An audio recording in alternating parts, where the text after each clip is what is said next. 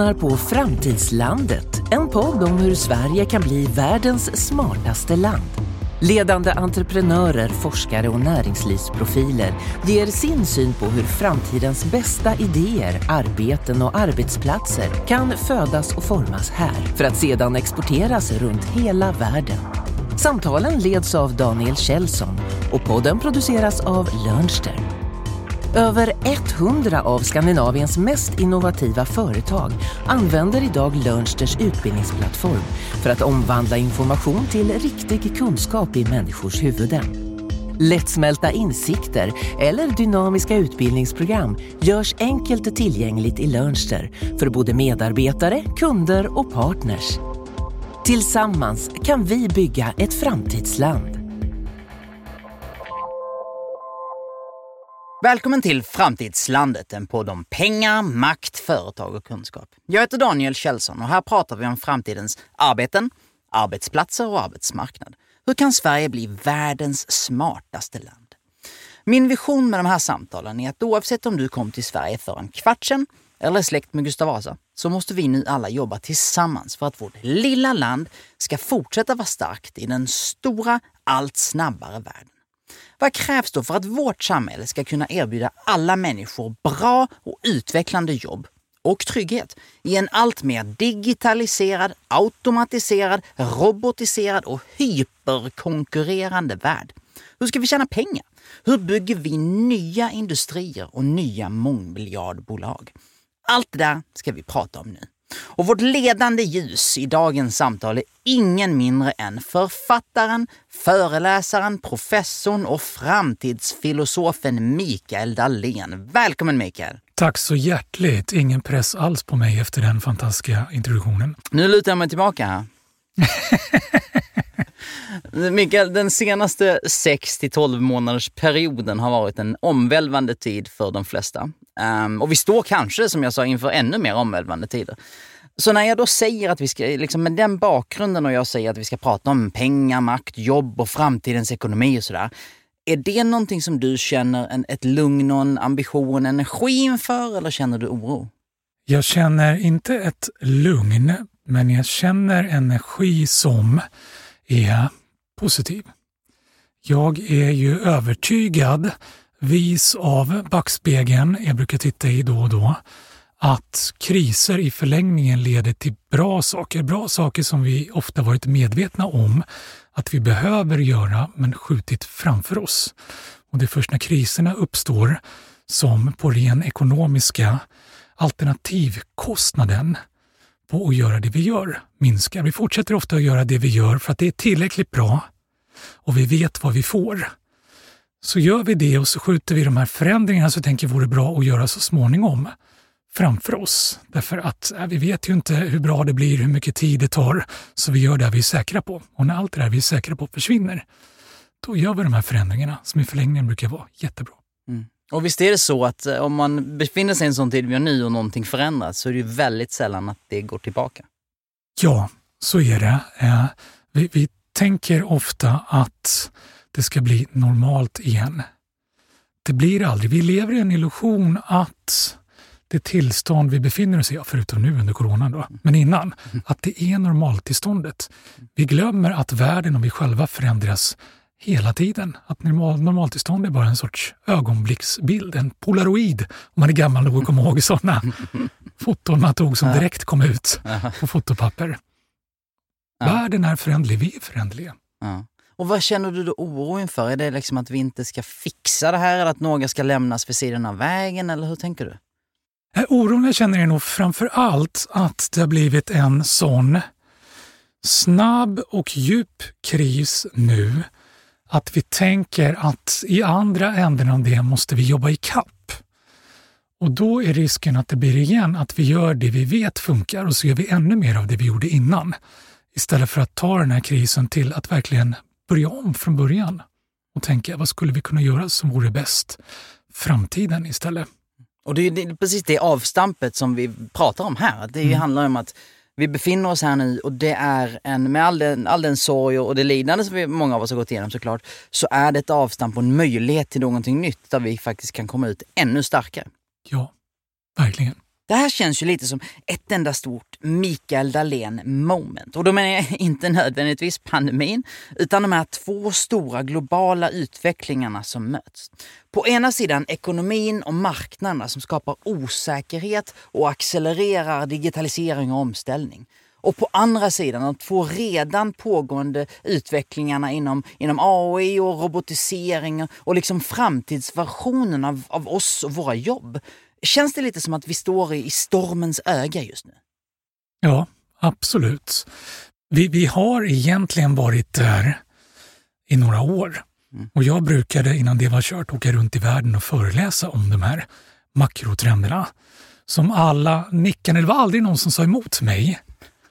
Men, men det var heller inte någon som riktigt kände att ja, men det här gör vi just nu, det här ska vi göra imorgon. Nej. Utan alla kände ja, så är det ju, men vi tar det lite sen. Precis. Och nu blev det ju verkligen pang på när allt stängdes ner. Det gamla, det personalintensiva, det fysiska, analoga, så blev det ju verkligen ett språng. Det här mm. ögat i stormen öppnades ju på vid gavel mm. in i det digitala. Och vad är, vad är det då som händer omkring oss? Alltså när vi säger att det digitaliseras, då, då kan det vara att färre flyger för att vi har videomöten till exempel. Och då betyder det att flygbolagspersonalen får det svårt. Alltså, jag vill ju så gärna liksom eh, packa upp det här och säga, okej okay, vad betyder det för den människan, den människan, den människan? För att sen komma till, ja men för då måste vi göra det här. Liksom. Mm. Ja men det vi har sett i, i Sverige eh, och i världen är att de människor som jobbar huvudsakligen fysiskt, väldigt mycket inom tjänstenäring. Flyg som du nämner inkluderar inte bara de som sitter i cockpit och är ute i kabinen, utan även de på flygplatsen, de som kör oss till och från flygplatsen, hotellen vi bor på när vi kommer ut från flygplatsen. En väldig massa mm. människor och, och Sveriges ekonomi har till stor del varit tjänstebaserad och väldigt fysisk i det avseendet. Men relativt sett har vi ändå varit väldigt mycket mindre än många andra länder. Det är en förklaring till att vi har klarat oss så bra relativt sett. För vi är ju världens kontorsarbetstätaste land per capita. Så väldigt många av oss har ändå kunnat flytta jobben hem och flytta in dem i skärmarna som har gjort att vi klarar oss förhållandevis bra jämfört med Spanien, med Latinamerika, med massa andra länder som inte haft det på det sättet. Mm. Och där sker nu en enorm accelerering. Ehm, jag gjorde tillsammans med Novus, som jag sitter i styrelsen med, och Internetstiftelsen precis innan sommaren en enkät bland medelstora och stora företag som uppskattar att de accelererat sin digitalisering med fem år på ett par månader. Det är ordentligt. Apropå det vi pratade om, det här mm. att de visste att vi ska göra det här trenden går åt det hållet, samhället går åt det hållet, men de har skjutit det framför sig. Mm. Och nu är plötsligt fick de anledning, blev tvungna att göra det och mm. kunde göra den här förändringen som skulle ta fem år mm. på två mm. månader. Det är rätt fantastiskt. Och mm. själva uppskattar de att det har, har stärkt deras effektivitet, stärkt deras konkurrenskraft. Mm. Ja, ska man trivialisera det så lite som att riva av ett plåster? Ja, precis um, så min personliga passion är ju alltså, så här, det livslånga lärandet och men att alla ska få tillgång till lärande genom hela livet. Mm. Har man en favoritprofessor en gång i livet när man är 20 så är det synd att lämna den då, när man har ett helt liv av lärande framför ja, sig. Vilket härligt exempel. Exakt, som av en händelse. um, och jag tycker det är så intressant det vi sa om det, det mänskliga och det digitala nu, för att på något sätt så har ju sådana som jag och kanske du sagt att så här, om du står vid en fabrik och drar i en spak så kan man ju för, ändå förstå det exemplet av att om den maskinen börjar köra sig själv så kommer jobbet vara i fara. Mm. Men sådana som jag och, och kanske du har ju ändå sagt att men om du hanterar människor och har, har liksom utvecklat de unikt mänskliga egenskaperna så kommer de snarare att öka i värde. Men det vi har sett under de här månaderna är ju att många sådana jobb har rykt ändå. Jag menar, om jag träffar dig i en reception mm. så, så är inte min tekniska kompetens det avgörande utan då är det så här, hej, min trevlig, jag är trevlig, jag har empati, jag hjälper dig, jag fixar. Så jag tar hand om en människa. Liksom. Mm. Och att, att, roboten som hjälper dig checka in har lite svårare att konkurrera med mig där än vad industriroboten har att konkurrera med i fabriken. Mm. Liksom. Men det vi har sett nu är ju att marknadsskiftena har varit så stora så att de jobben har ju bara spolats med på något sätt. Ja, och där kommer vi också behöva tänka om kring vad möten egentligen är. Möten har vi ju fram till nu förknippat med att faktiskt bokstavligt ta i hand. Bara en sån grej, mm. säger ekonomiprofessorn. Mm.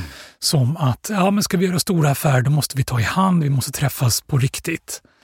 Det har ju också inneburit att gräva hälarna i marken kring att ha videomöten, kring att göra digitala affärer och så vidare. Nu har vi ju sett på några månader att men det går att göra mm. affärer utan att ta i hand. Mm. Det kanske är bra för oss alla, för mänskligheten om vi inte tar i hand.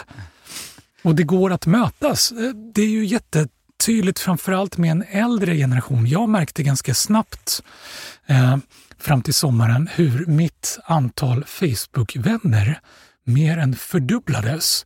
Och majoriteten av den fördubblingen kom från människor som var födda på 50-talet, 40-talet, 30-talet. Det kunde jag se för jag gick in på deras profiler du för att kolla dem, ja. vem är det här som vill bli min vän? Och det enda som stod på deras konto var när de föddes. Ja. Därför att det var ett helt nytt konto så de inte hunnit fylla på mer information än så. Det här var människor som hade tänkt, nej men möten, relationer, de är fysiska, vi fikar på riktigt. Det andra, nej, det är inget för mig. Mm. Och så är plötsligt det de trodde de aldrig skulle ha hela sitt liv började de göra och märkte att det alldeles utmärkt mm. på bara några månader. Mm. Det är jättehäftigt. Och med det, med förändringen, med utvecklingen av våra möten, våra sätt att umgås och relationer så jag är övertygad om att receptionisterna mm. kanske inte kommer tillbaka till att stå i receptionen på hotellen de stod. Mm. Men den mänskliga kompetens, det mänskliga geni de besitter mm. kommer de kunna omsätta på helt nya sätt. Det där tycker jag är en viktig del. Mm. Att vi kommer inte gå tillbaka på andra sidan pandemin till samma jobb Nej. vi hade. Vi kommer kunna få utväxling på det fantastiska vi är och kan, men på nya sätt. Och det ska vi inte se som en förlust att de gamla jobben försvinner. Nej. Utan vi ska se det som en möjlighet att uppfinna helt nya jobb. Mm. Kollar vi makrotrendsmässigt så har det pågått ända sedan 60-talet. Mm. Mm. En och, förändring av jobbmarknaden. Exakt, och det är ju, för jag menar, oavsett om du är 20, 30, 40 eller 50 idag eller beyond, så kan det mycket väl vara så att du står inför fler karriärer ja. i ditt liv. Det är troligt till och med. Mm. Vi gjorde en sån studie också i, i våras mm. på mina studenter, eh, eller motsvarande, unga människor, 20-25 eh, år gamla, som står i begrepp att börja sina karriärer och kom fram till att de kommer innan pensionen ha i genomsnitt 17 olika karriärer kan vara att byta företag, starta ett helt nytt företag eller bara byta position inom ett företag. Men en väldig massa olika saker mm. kommer de göra. Mm. Och det var innan pandemin. Ja. Precis, i stark relation. Och då, jag menar, och då accelererar även behoven av det här att du måste lära dig saker hela tiden. Du kan inte gå långa sträckor utan att du lär dig utveckla dig själv som resurs. Ja, och det är ju häftigt och jättehärligt, men vi har inte tillåtit oss att tänka den tanken. Vi har tänkt att det är en förlust för mig, det är en förlust för alla andra. Mm. Om jag förlorar mitt jobb eller om jag byter mitt jobb, då har någonting gått fel. Mm. När det tvärtom, tycker ekonomiprofessorn, handlar om att frigöra dig, dina intressen, din energi och de resurser du har till att skapa något helt nytt. Du, du är ekonomiprofessor, men du är också lite så inofficiell framtidsprofessor, uppfattar jag, i alla fall för mig. Ja, det låter något det. um, och, och det jag tänker, ja, men vad tror du om det här? Vad tror du om att vi har ju en friskvårdstimme mm. eller liknande. Mm. Um, vad tror du om att, att vi behöver liksom professionellt en framtidstimme? Där man tittar på sin egen kompetens och sin eget jobb och får liksom lite hjälp att visualisera vart det är på väg. Jag, jag har ju ett jätteproblem med, eh, inlåst på en akademisk anstalt som jag är, eh, till trots, att Eh, vi fortfarande lever kvar i ett system där vi pluggar, pluggar, pluggar, pluggar, pluggar, pluggar, pluggar grundskola, gymnasium och kanske ovanpå det en folkhögskola eller universitet eller högskola. Och sen är vi färdiga. Sen kan vi allt! Det är klart. Fram till pensionen som bara blir längre och längre bort och vi lever längre och världen förändras snabbare. Alltså redan på 60-talet igen så utvecklades eh, något som kallas för Peters princip som säger att om du har en tillräckligt lång karriär så kommer du förr eller senare att hamna på din absoluta inkompetensposition. Great! Du kommer att ha jobbat så länge med det du gör och kanske mm. befordrats så att du kommer till ett läge när du inte är kompetent att göra det du är satt att göra. För världen har flyttat så mycket på sig mm. och alla dina kunskaper som du känner dig trygg med mm har blivit föråldrade. Mm. Och den, det kan man säga exakt samma sak gäller fast den, den tiden är väldigt mycket kortare. Ja, jag tycker vi borde plugga, plugga, plugga Mm. och sen ut Mm. och pröva våra vingar. Mm. Gör det du är nyfiken på, det du kan, när du faktiskt fortfarande är nyfiken på det och fortfarande kan det. Mm. Och sen kan du komma tillbaka och plugga ett år för att lära dig någonting nytt Mm. som du och världen behöver därför att du och världen är ett helt nytt läge. Mm. Och sen ut och jobba och testa och skapa någonting nytt. Mm. Och sen in och plugga igen, om och om igen. Jag tycker vi borde ut och jobba, tillbaka och plugga, ut och jobba, tillbaka och plugga eller kanske rent av göra dem parallellt. Mm. Och så kan vi rent av pausa något år och gå i pension. Mm. Ett år. Varför ska vi ha pensionen sist? När vi inte kan göra någonting. Ja. Skjuta upp allt det här vi drömmer om och vill göra till. Tills dagen vi inte kan göra det. Ja, precis. Ta pensioner och glädje av pensionen och sen kan du börja jobba igen. Exakt. Ja, jag håller helt med. Um, och, och det, en av anledningarna till, till att jag tycker att det är så värdefullt att prata med, med det här med dig är att du har, en, uppfattar jag det som, en unik relation eller en väldigt speciell relation med många som följer dig. Du har ett stort förtroende för dem för att du, du är den du är och du har byggt det förtroendet över tid nu. Ehm, och och det, det jag menar med det är att när du skriver en bok om massmördare som du gjorde med Monster så kanske folk som kanske inte nödvändigtvis annars hade köpt en bok om, om Monster köper den för att du har gjort den. Ehm, och samtidigt med den, den senaste boken, en liten bok om lycka, ehm, människor som kanske inte annars hade letat efter en bok om lycka hittar den för att de hittar dig eller vet, har en relation med dig. Ehm, och det tycker jag är jätteviktigt även i den här kontexten för att jag hoppas att vi med det här samtalet når väldigt många som kanske inte läser den senaste arbetsmarknadsrapporten eller liksom den senaste analytiska pdfen om framtidens jobb och sådär. Va? Ehm, men till dem, jag menar vad är Micke Dahlén-versionen av det vi pratar om här? Att vi inte ska vara rädda för att alla jobb inte är uppfunna än. Att det du kommer jobba med inte uppfunnet än.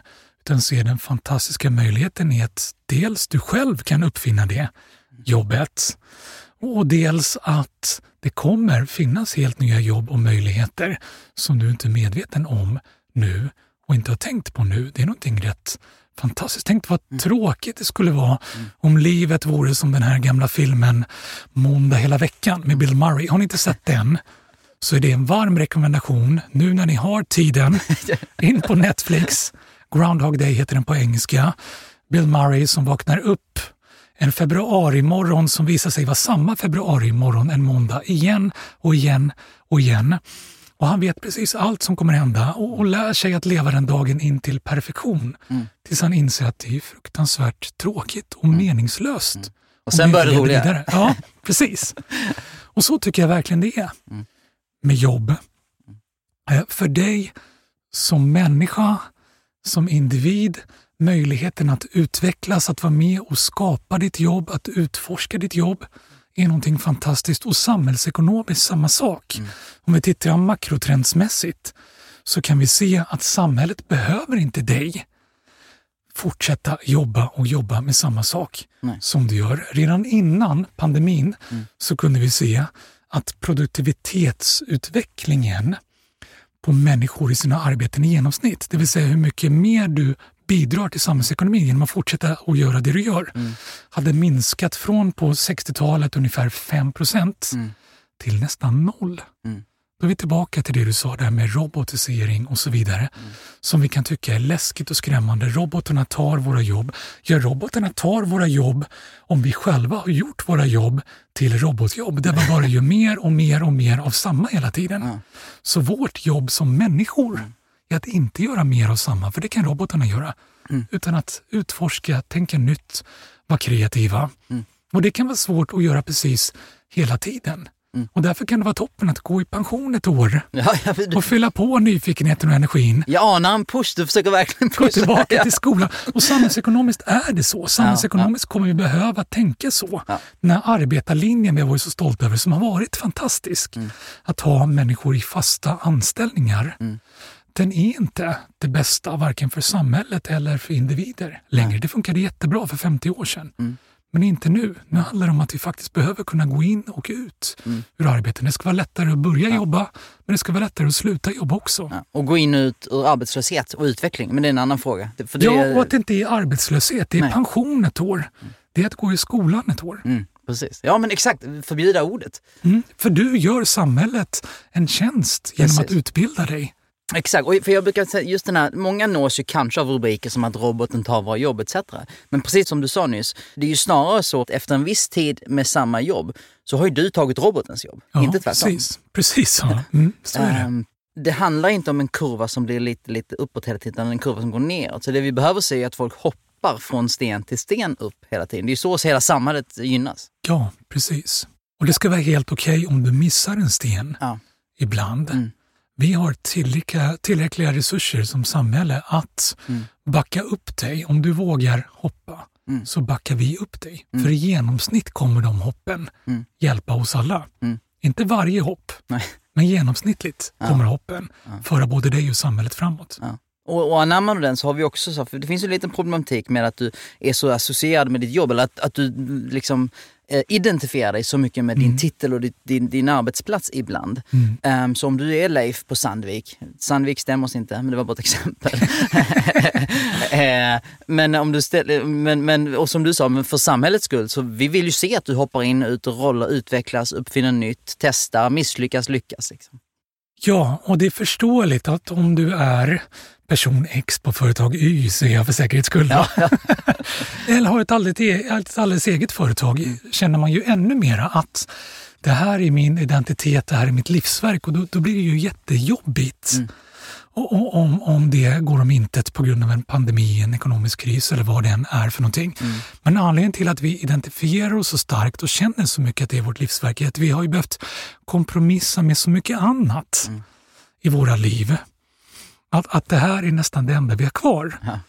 Och, och Det är förståeligt, men om vi tänker att vi inte ska behöva kompromissa med allt annat i våra liv och välja ett enda spår på vinst och förlust, så är det heller inte lika läskigt och farligt om det här inte är för evigt. Mm. Du kan vara på det här företaget Y Ja. ett år och sen sluta utan att det är en förlust för dig. Mm. Du kan starta ett företag som inte behöver finnas i all evighet Ja. utan som du lägger ner när du ser att det här är inte det bästa och det mest spännande Mm. längre. Så kan du starta ett nytt företag. Mm. Jag menar, testa någonting och, och komma på att det här är inte det jag vill hålla på med. Det är en jättevinst. Ja, Den precis så. insikten är värdefull. Mm. Varje dag är en ny spännande dag. Det är inte en ny måndag i februari. Exakt. och är det här, lyssnar du på en måndag i februari så stay with it. Precis. Man skulle kunna hävda att världens viktigaste bolag idag, säg ett eh, Facebook eller ett Google och sådär, tillhandahåller förhållandevis osofistikerade produkter. Och med det menar jag att, att det är liksom ett kompisnätverk eller en sökmotor. Sådär. Det jag vill eh, att vi kanske gör nu är att ta på oss guldgrävarstövlarna. Jag menar, vad finns för Sveriges skull nästa stora industri, nästa stora företag, nästa stora värden att skapa? Jag menar, var ska vi som land och samhälle titta på för att liksom kliva in och bygga nytt? Hälsa. Vi har fantastiska förutsättningar för hälsa och livskvalitet, både fysiskt och psykiskt. Eh, näst efter Island, som jag vet är världens mest vältränade folk, så kommer i stort sett vi. Mm. Vi är ett friskusfolk, vi är ett folk som bryr oss om vår hälsa och som har arv och förutsättningar att jobba med och, och utveckla det. Eh, Och, och, och prognostiserar vi så ska ju vi och folk över hela världen leva betydligt längre och vara produktiva längre. Så vi behöver investera i det. Så efterfrågan kommer bara öka, öka, öka. Och med våra förutsättningar som land där kan vi göra jättemycket tillsammans med att vi också har en helt fantastisk digital infrastruktur. Mm. Det förklarar ju varför våra befintliga enhörningar som Spotify och Klarna och så vidare har så snabbt kunnat bli enhörningar att de är digitala i grunden. Mm. Så den kombinationen, digital hälsa, skulle vi kunna göra fantastiska saker kring. Och, och det tycker jag är jätteintressant. För det jag skulle fråga dig, och jag kommer fråga dig också, är att jag menar, vi säger så här, vår nuvarande statsminister, han blir trött på det här. Han säger, nej nu får det vara nog. Eh, det här får Micke Dahlén sköta. Och, och så får du liksom kliva upp i stolen och, och lösa och liksom sätta vårt land på en ny kurs för att vi liksom alla ska ha kvalitativa jobb och lära oss genom hela livet. Vilka ambitiösa satsningar får vi se då? Och jag frågar dig just med, det, nu, med tanke på det du nyss sa, de enhörningarna vi har idag, om du är Spotify, ett Klarna, alltså, man ska inte glömma att det kommer från vår generations, vi hade hemma-PC, vi fick bredband tidigt, den svenska skolan. Alltså, det finns ju ett mönster som ledde till att de här entreprenörerna hade en grundplattform att stå på och börja bygga. Ta mm. inte bort deras prestation, men landet stod ju på en väldigt fin plattform. Och den vill vi liksom fortsätta bygga på och ge oss alla nu igen. Ja, precis. Eh, den digitala infrastrukturen har varit guld värd för vårt företagande och de fantastiska framgångssagor vi har nu, precis som eh, den kommunala infrastrukturen vad gäller musik till exempel var guld värd för det svenska musikundret Exakt.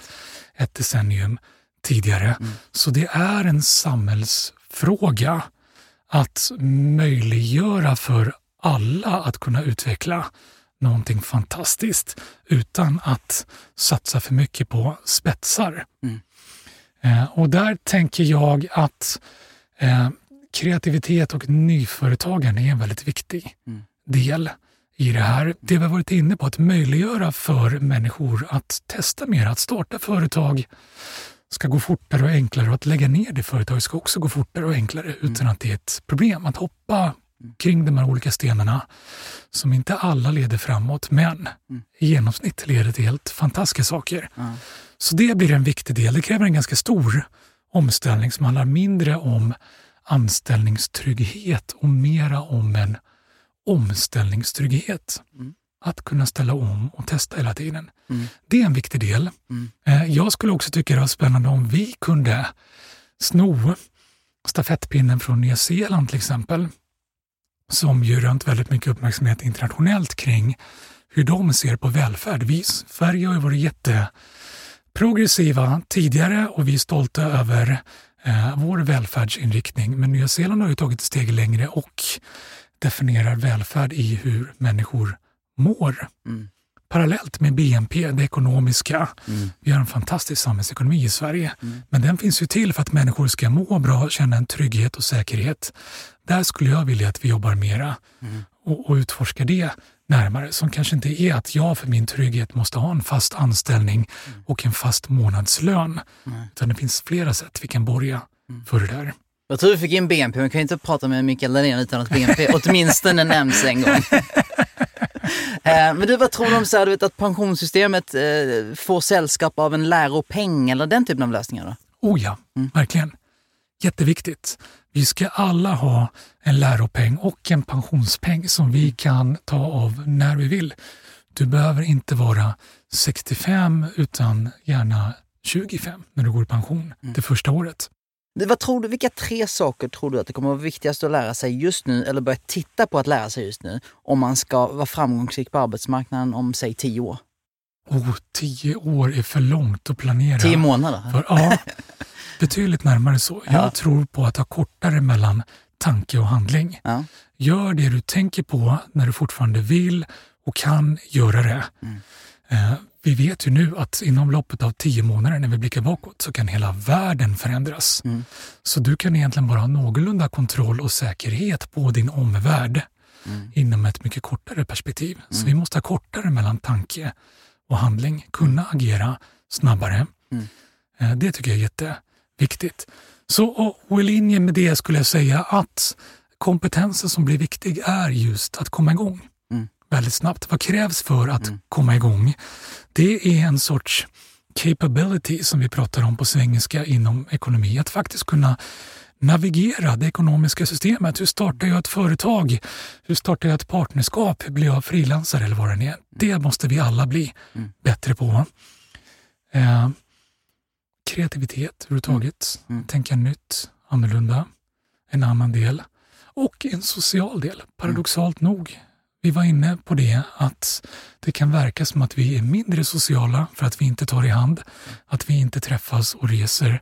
Men faktiskt om vi tittar på hur mycket vi umgås, om vi inkluderar Zoom och Teams och Facebook och allt vad det är, så har vi umgåtts mer med fler sen pandemin mm. drog igång.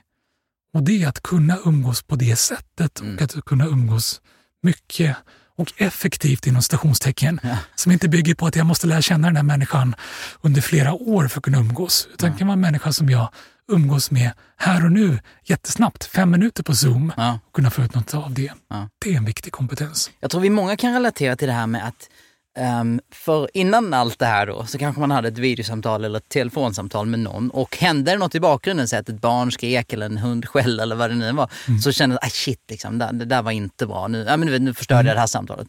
Men det tog ju, ja, jag, vet, jag ska inte kvantifiera det, men det gick ju snabbt tills att man satt och alla möjliga människor, för att alla var hemma under en viss tid.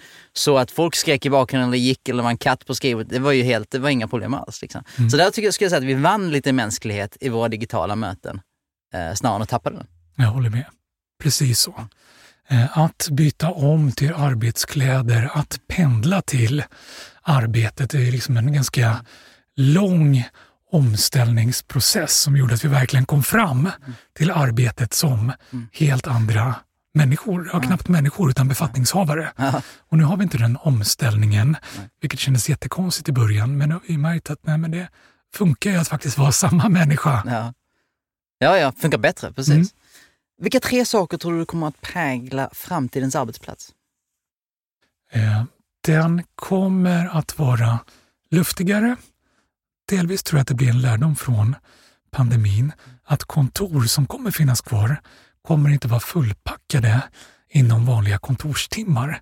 Det har varit en, en rest sedan länge som bygger på att det var mest effektivt att alla skulle jobba samma tid, lite fabrikstänk. Mm. Alla ska jobba samma tid och alla ska jobba åtta timmar för att det är en investering alla gjort för att ta sig till kontoret. Mm. Eh, nu märker vi att nej, vi behöver inte jobba alla samma tid, det funkar ändå. Mm. Och det bästa för oss alla, smittspridning men också en sån sak som att alla olika dygnsrytmer vad det är, eh, att vi kan jobba i olika mm. timmar. Men även vara på kontoret om vi nu vill det. Mm. Så det blir lite luftigare där. Mm. Det blir också luftigare i bemärkelsen att kontoret blir mycket större, för det är både det kontoret vi brukar åka till, men nu åker till på andra timmar, men också kontoret vi har hemma och på vägen. Det kan vara mycket mera. Så det är en del i det hela. Kontoret blir också paradoxalt nog då, mindre socialt därför att vi kommer inte vara lika många på plats samtidigt på kontoret och vi kommer inte behöva klämma in allt det sociala som vi förut fick göra för att vi skulle vara där åtta timmar mm. och vi skulle åka till och från. Va, vad vi än gjorde skulle vi vara där åtta timmar? Ja, för det fanns ingen tid att umgås utanför kontoret. Nej. Nu behöver vi inte klämma in allt det umgänget för det enda vi har på kontoret. Nu kan vi vara effektivare på kontoret och så kan vi umgås på andra sätt utanför kontoret. Mm. Vi kan fortfarande vara med samma människor, men på andra ställen och platser. Mm. Och det tror jag kan vara jättebra. Vi klamrar oss fast vid lärande lite till bara. Du representerar ju ändå liksom ett av de finaste och mest prestigefyllda institutionerna i, i Sverige idag, Handels. Um, och det finns många stora skolor så att säga. Men visst är det också så att när vi då pratar om att vara lite mer experimentella kring karriären och testa och sådär. Visst måste vi liksom i viss mån bryta upp vad som är lärande också. För jag menar, om jag, är, om jag kör lastbil idag eller borrar eller är journalist eller vad jag än är och vill testa på dataspelsutveckling eller lära mig något som min kollega kan eller vad, så måste jag kunna testa en liten bit och inte nödvändigtvis signa upp mig på treårsprogram någonstans, eller hur? Oh ja, verkligen. Det är också något gammalt från att det gick inte att dela upp utbildningen i små bitar. På grund av att folk var tvungna, både lärare och studenter, att komma till samma ställe och fortsätta bygga på det man gjorde. Nu har vi helt andra möjligheter med alla dessa skärmar och vad det nu är, att plugga var och när vi är. Och det är guld värt, för en lastbilschaufför kan se helt nya spännande möjligheter mm. i att utveckla spel mm. än en ekonom kan göra. Mm eller en programmerare eller vad det nu är mm. för någonting. Mm. Och det är toppen mm. och jättebra. Och någonting som också är jättebra med det är att vi då inte behöver planera tre år framåt i tiden. En utbildning som visar sig vara någonting vi tre år senare kanske inte har någon användning av för att världen är helt annorlunda. Många nickar igenkännande. Ja, eller vi har förändrats som personer, för det gör vi ju hela ja. tiden. Det är en Snacka om att ta en risk. Mm. Vi måste bestämma oss för en utbildning som vi ska ägna oss åt flera år mm. utan att egentligen veta vad vi ska med den utbildningen till, utan mm. att veta om det är egentligen någonting. Och i värsta fall måste vi göra det under några år där vi inte vet vilka vi är. Ja, det är det mest paradoxala. Människor som precis gått ut grundskola eller mm. Gymnasium gymnasium som aldrig har jobbat ska bestämma sig för den här utbildningen ska jag gå för att jobba i det här yrket som jag aldrig har testat, har inte någon aning om vad det innebär om jag är lämpad för. Och det finns det också studier på sedan innan pandemin som visar att en majoritet av människor i uh, yrkesverksamhet jobbar med saker som inte är rakt av det de pluggade för. Mm. Och visst vill vi lämna människor med den självkänslan och den energin att när du söker ditt nästa jobb eller liksom hoppar till din nästa sten så kommer ingen att tänka så, eller allt färre kommer att tänka så ah, det finns ingen treårig utbildning där och nej men han har ju aldrig jobbat med det här innan. Utan det faktum att du har hoppat, tagit besluten, testat och är inne på ett nytt spår kommer vara värdefullt i sig. Oh ja, det, det blir liksom en, en eh, 180 graders sväng mot eh, när eh, jag gick i skolan och man pratade om att det värsta som kan hända är att bli en hoppjerka. Mm. Jag frågade mina nuvarande studenter, är ni oroliga för att bli hoppjerkor? Mm. De kollar på mig som frågetecken, de har ingen aning om vad det betyder. Nej. Det betyder ju att det värsta du kan göra är att hoppa kring för mycket. Mm. Då börjar folk undra, är det något fel på dig? Idag är det nästan tvärtom. Mm. Ja. Har du jobbat för länge så börjar folk tänka, vad är det för fel på dig? Ingen annan som vill ha dig. Har du inga drivkrafter, ambitioner att testa nytt? Ja, exakt så. Verkligen. Mm. Och det behöver inte vara ett disclaimer, men, men verkligen så. Man ska inte vara, om man, om man tittar fram ska man inte vara rädd eller tveksam kring det. Utan även om du tar en liksom fem minuters gratiskurs någonstans på internet idag. Det kan vara nästa byggsten och den kommer vara värdefull. Det är liksom inte någon, någon nedvärderande i det. Liksom man måste ta de små stegen för att de stora stegen makes no sense förrän du vet mer. Nej, precis. Och alla stora steg går att bryta ner i en väldig massa små steg. Mm. Mm. Perfekt. Mikael Ledén, eh, inspiration, energi, mänsklighet. Jag tänkte säga Robert Seng, du, du är ingen robot, men än. men tusen tack för att du tagit tid att vara här. Eh, vi, vill, vi vill följa med dig in i framtiden. Ja, gör det snälla. tack snälla för nu.